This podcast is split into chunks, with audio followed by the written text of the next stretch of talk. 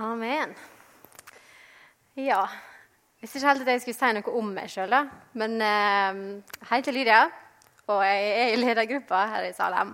Og eh, studerer undervisningsvitenskap og er lærer og litt eh, forskjellig. Holder meg aktiv, håper jeg. På jobbfronten. Nei da. Um, men ja. Tror vi bare går rett i gang, jeg. Um, akkurat dette temaet er noe som har kverna litt i uh, tankene mine de siste ukene akkurat dette er hva som ligger i å være lik Jesus. Og, um, og egentlig bare, jeg vil bare snakke litt om hva jeg har tenkt. Jeg har ikke teologiutdannelse, men jeg tror Gud har lagt meg noe på hjertet som jeg skal dele med dere. Så jeg håper dere er klar for det. Um, for to-tre år siden var jeg med å planlegge noe som heter Godhet. Uh, det var en del av Kål, som var et tverrkirkelig uh, arrangement Eh, litt i samme sjanger som Jesusfesten. Um, og På lørdags formiddag var oss eh, noen representanter fra alle menighetene som skulle sette i gang et litt sånn outreach-opplegg. På forhånd hadde vi bakt eh, ekstremt masse boller. og så hadde eh, lage litervis med vaffelrøre. lage små sånne kort med bibelvers på og liksom koselig hilsen som vi delte ut sammen med sjokolade til bussjåfører, til vektere, til bybanesjåfører. Det var ganske vanskelig å få tak i sånn mellom fra en enden til den andre. Um, men det er så forskjellige opplegg. Og så kom vi etter alt som var ferdig, og så vi pakke, opp, eh, pakke sammen ned på Festplassen. Og så fant vi en hel pose med boller som, um, som hadde blitt glemt. Og jeg og hun ene som rydda opp sammen med meg, tenkte at ok, vi kan ta det med oss eh, bort opp igjen. Vi skulle opp igjen i salen med litt utstyr, så vi uh, tok bollene la det litt sånn på, på et brett. og tenkte oss å ta det med oss og oss om vi finner noen som vi kan gi det til. For så hadde jeg gått rundt omkring i byen og sett ja, uteliggere og litt forskjellig som var rundt i byen. Og Det var en sånn fascinerende opplevelse, for du gjenger over Torgallmenningen med et brett med boller, og plutselig blir du bare sånn her ekstremt interessant for folk. At du bare så her, Nesten så hele atmosfæren rundt oss forandra seg. Folk var liksom sånn, Hvem er dere? Hva dere deler ut boller for? Noen litt sånn skeptiske, men delte ut boller til, eh, til uteliggere, til folk i dress til eh, små unger, til familie, til noen vektere. og sånn. Det var liksom skikkelig god stemning. Og jeg skal ikke lyge til dere, jeg følte meg sjukt bra. At jeg sånn, går rundt der, og så føler du deg litt sånn her, Det er en big deal å være med akkurat nå. Og eh, Vitenskapen støtter meg på akkurat dette her. fordi lykkelighetsdoktorene, eller hva vi profesjonelt skal kalle dem, eh, sier tydeligvis at det som gjør oss lykkelige, det er ikke eh, berømmelse. Det er ikke penger, det er ikke en rask bil, det er ikke en god jobb.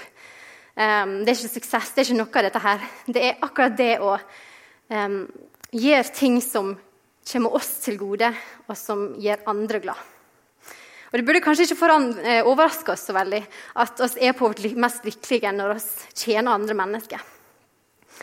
Um, og nå skal ikke du bli forvirra til å tenke at jeg skal ha en sånn selvrealiseringstype tale. Um, når jeg, eh, Nils Arne spurte meg for noen uker siden hva jeg ville tale om, og jeg sa jeg ville snakke om Kristuslikhet og hva det ville si å være lik Kristus i dag, så, så på, eh, påstående at jeg skulle ha en avgudsdyrkelsestale. Da.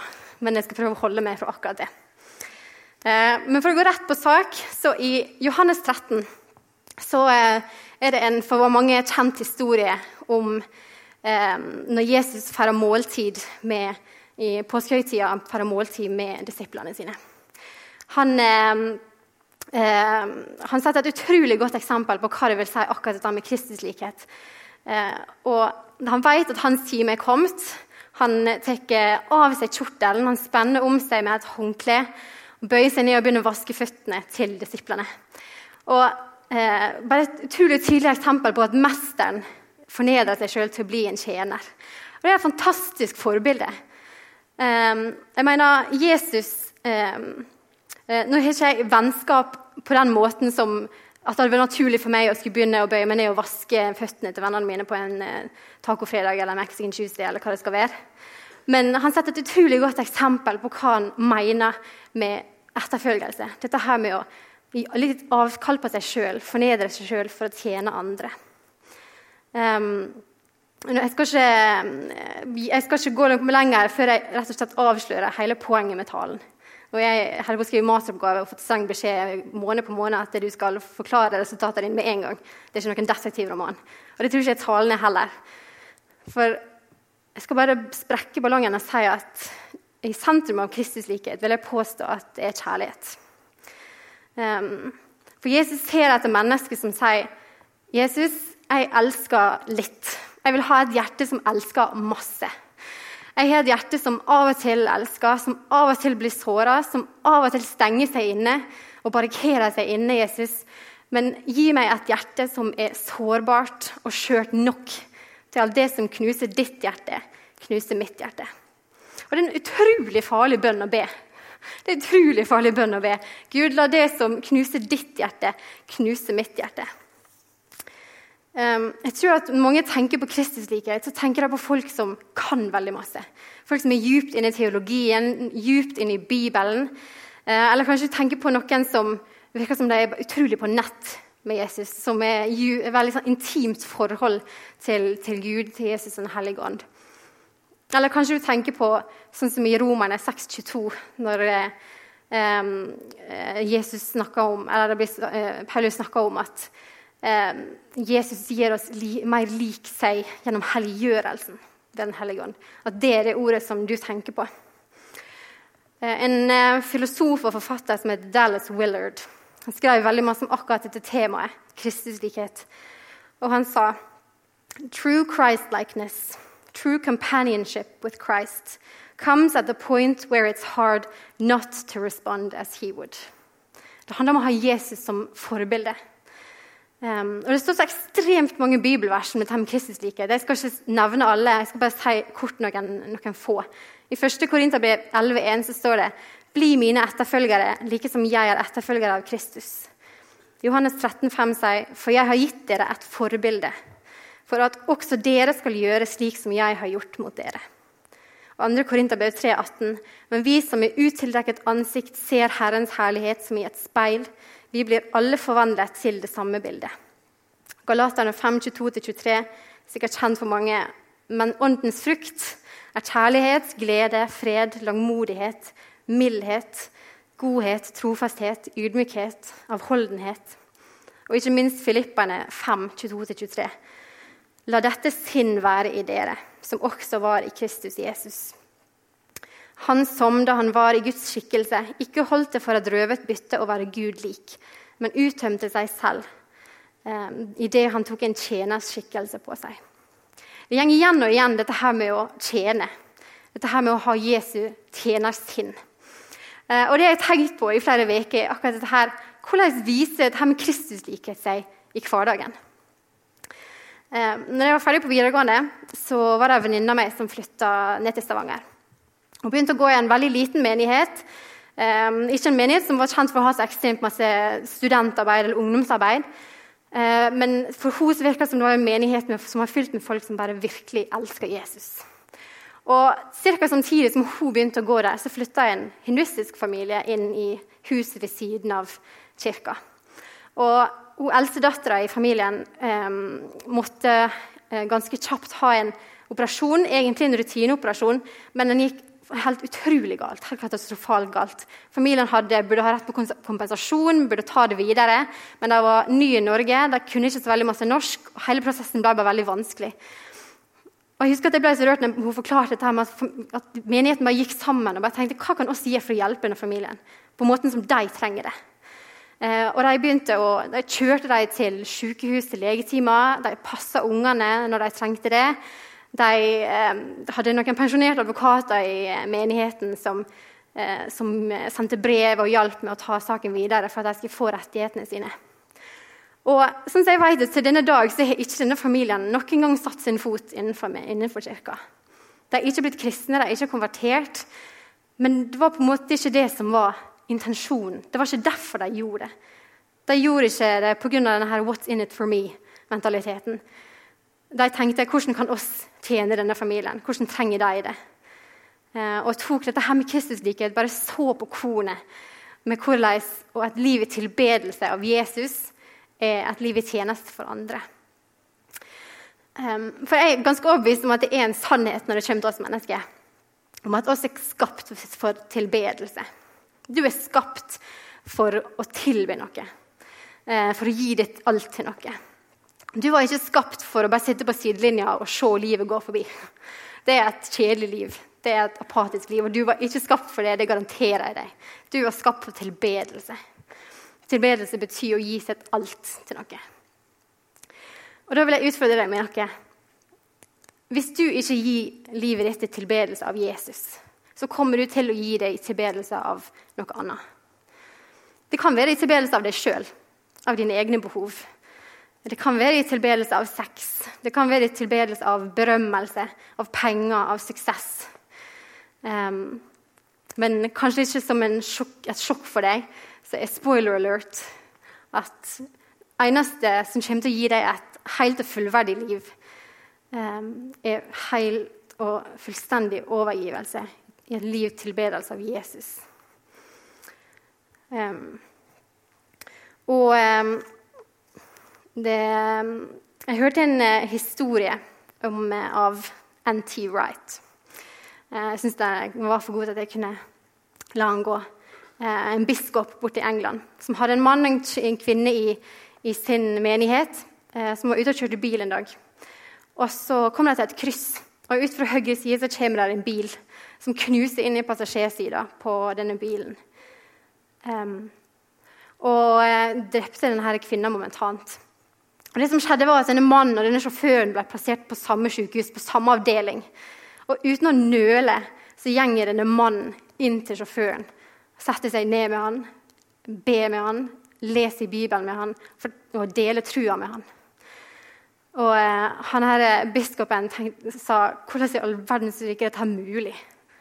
En mann som har tatt livet av kona di, hvordan klarer du dette? her? Og han Mannen forklarte at det, for han så hadde ikke noe valg. sånn som han så det.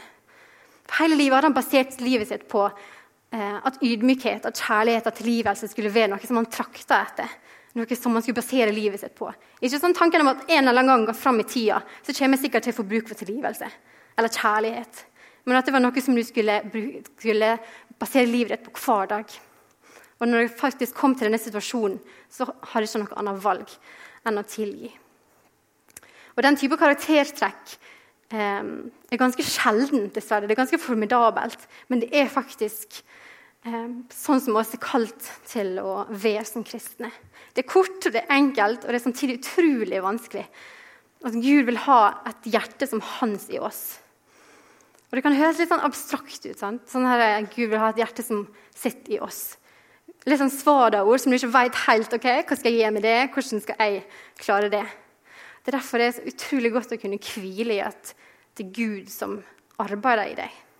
Det er ikke et prestasjonsbasert forhold.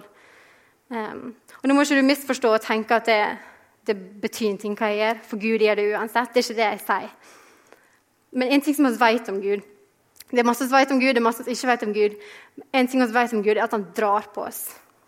Han drar på deg og vil ha deg enda nærmere seg, tettere hjertet ditt, eh, hjertet sitt. Eh, slik at du skal eh, Hans trekk skal smitte over på deg. At du skal få opp øynene dine og se hva han gjør med mennesker rundt deg. hva han gjør i hjertet ditt. For Gud er her, Gud er med oss nå, men han er også foran oss. Han, men han sitter ikke passivt der framme og venter på at du plutselig skal skjønne det, og da kommer du springende. Men han drar på deg. Han vil ha deg nærmere, vil at du skal se hva han gjør. Han sa, 'Kom igjen, folkens. Kom nærmere og se hva jeg gjør. Mennesker rundt deg. Se hva jeg gjør med hjertet ditt. For Det som er som skummelt, det er at det er helt fullstendig mulig å si at jeg er med Jesus. Jeg er kristen, og samtidig så sitter du på sidelinja og egentlig ser at Gud gjør eh, fantastiske ting uten deg.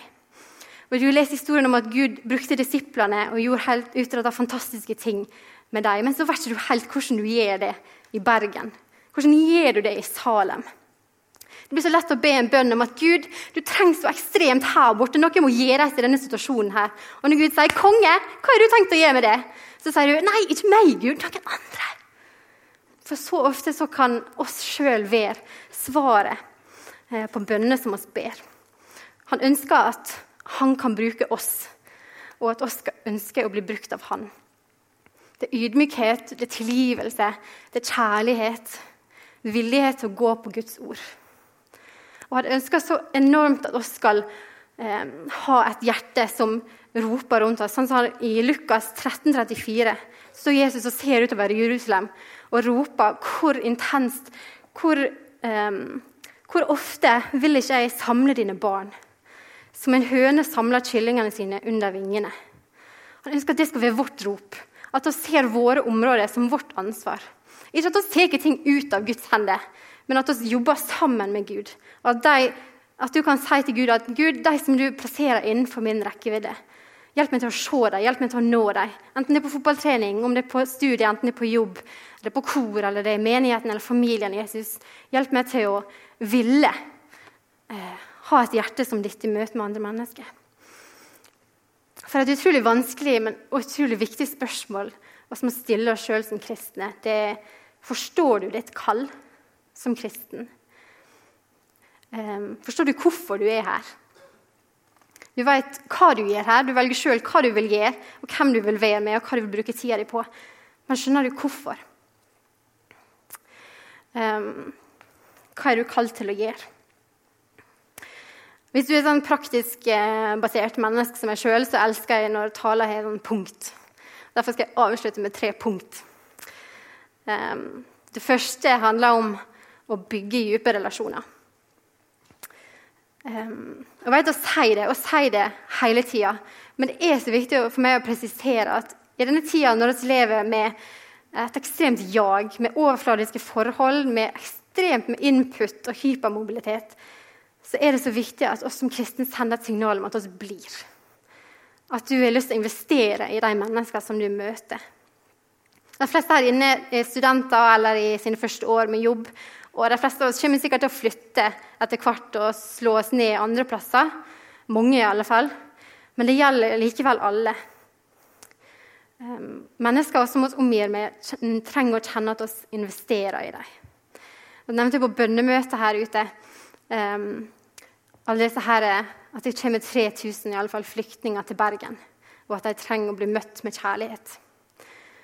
De trenger å vite at vi investerer i dem, at vi vil bli.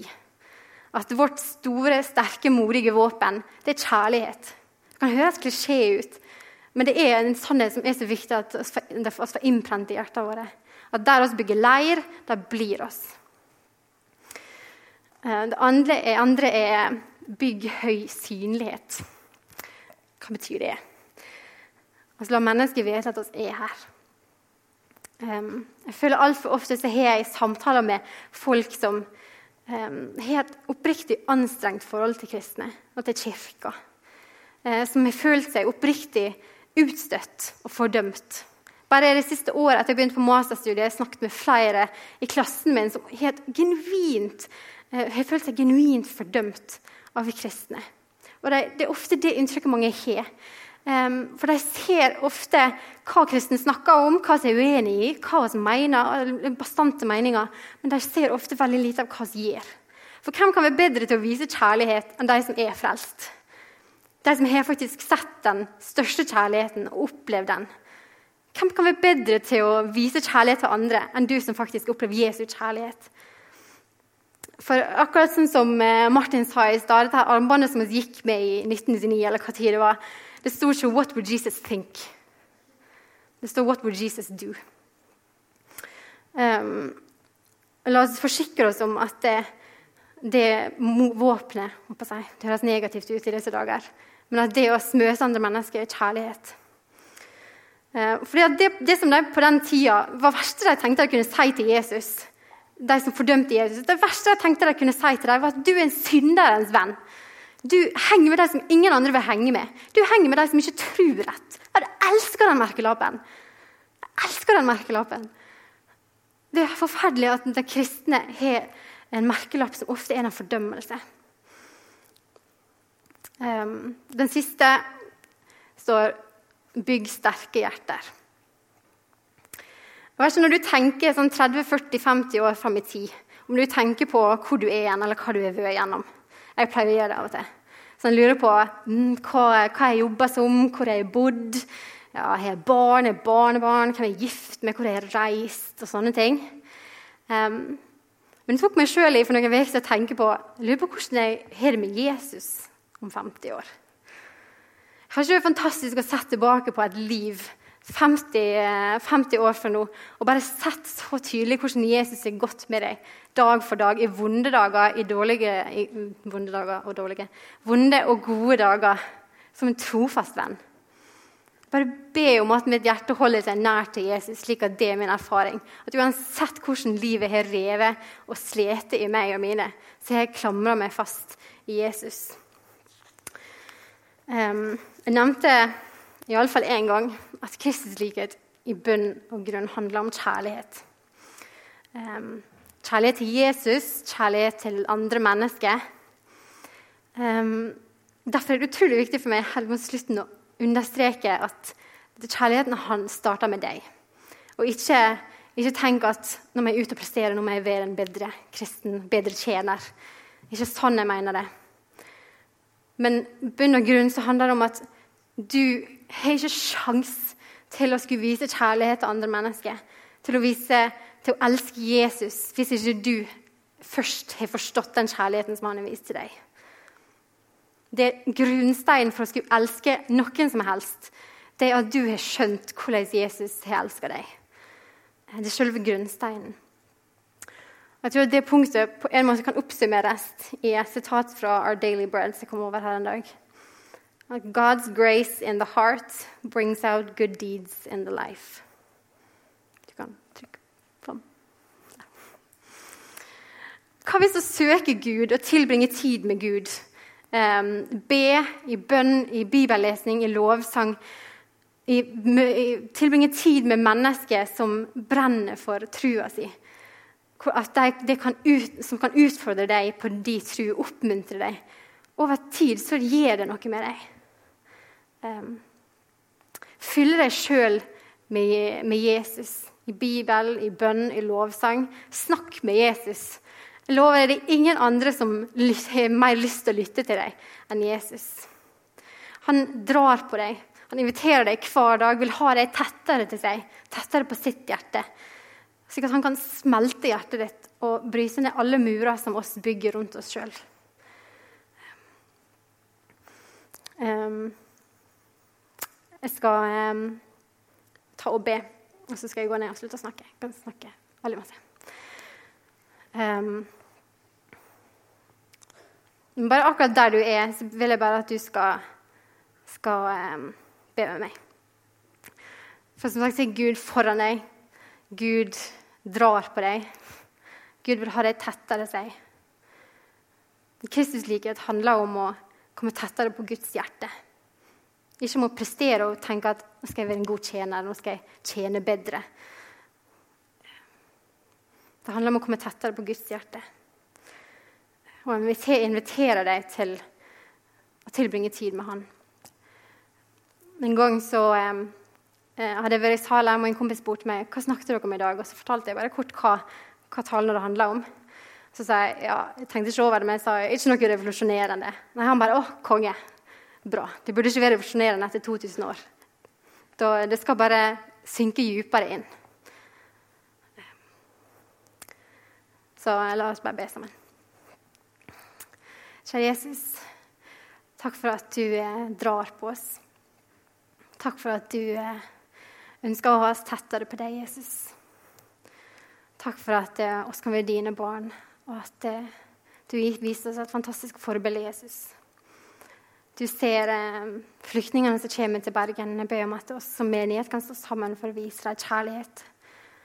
Kjærlighet til deg, kjærlighet til mennesker som ikke kjenner deg, Jesus. At det kan bli noe som innprenter over livet vårt, som blir like naturlig som å puste i Jesus. Jeg takker deg for at eh, den kjærligheten som du har vist oss, at det kan bli grunnsteinen på våre liv. Jesus. Hjelp oss til å basere livet vårt på det.